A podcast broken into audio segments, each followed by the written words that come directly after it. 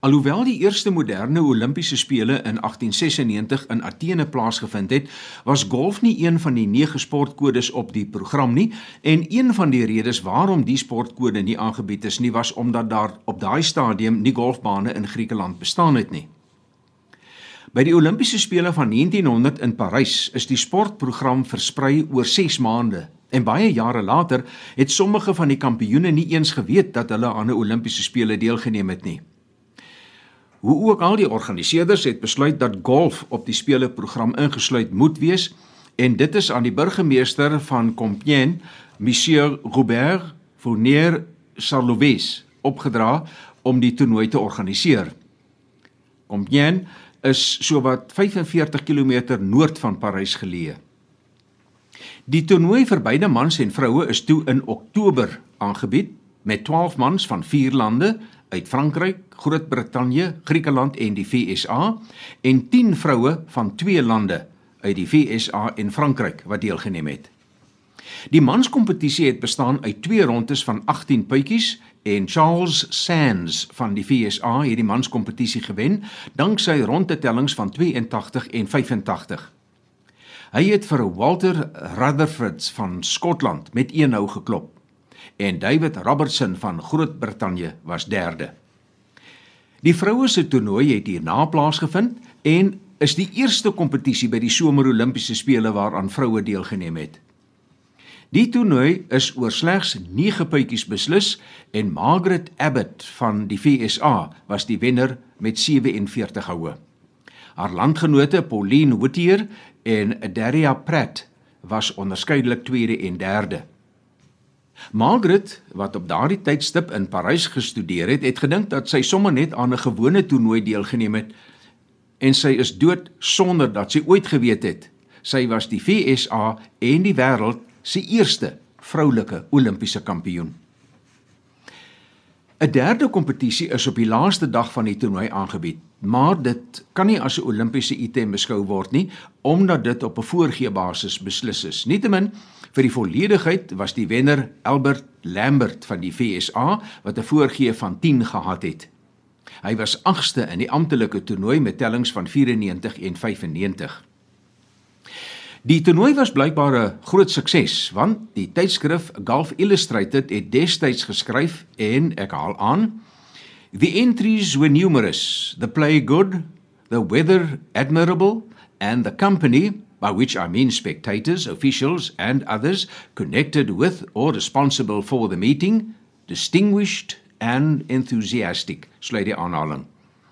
Die toernooi is ook deur verskeie hoogwaardigheidsbekleers en selfs lede van die adelstand bygewoon. In 1904 is die Olimpiese spele in die stad St. Louis aangebied.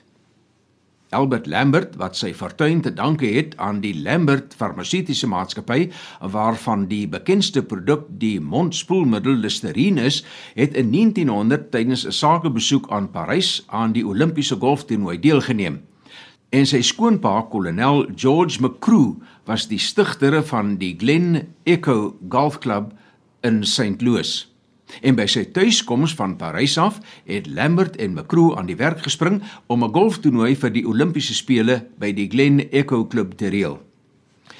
Hulle verbeelding het behoorlik op loop gesit en hulle het met vindingryke wedstryde vorendag gekom soos voorgee kompetisies, setwerk in die aand onder beligting, 'n verslaan kompetisie asook allerlei span kompetisies.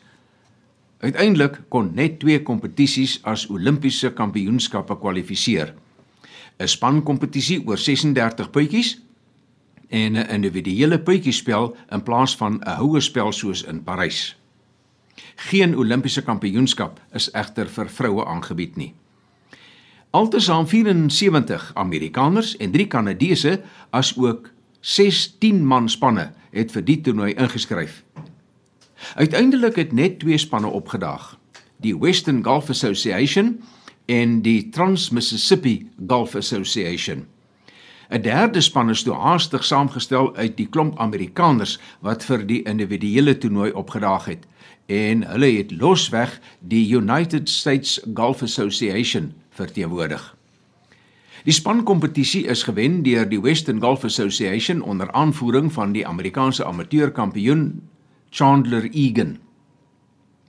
In die individuele toernooi het al die spelers aan 'n kwalifiserende ronde van 18 puitjies deelgeneem, waarna die beste 32 na die puitjiespel deurgegaan het.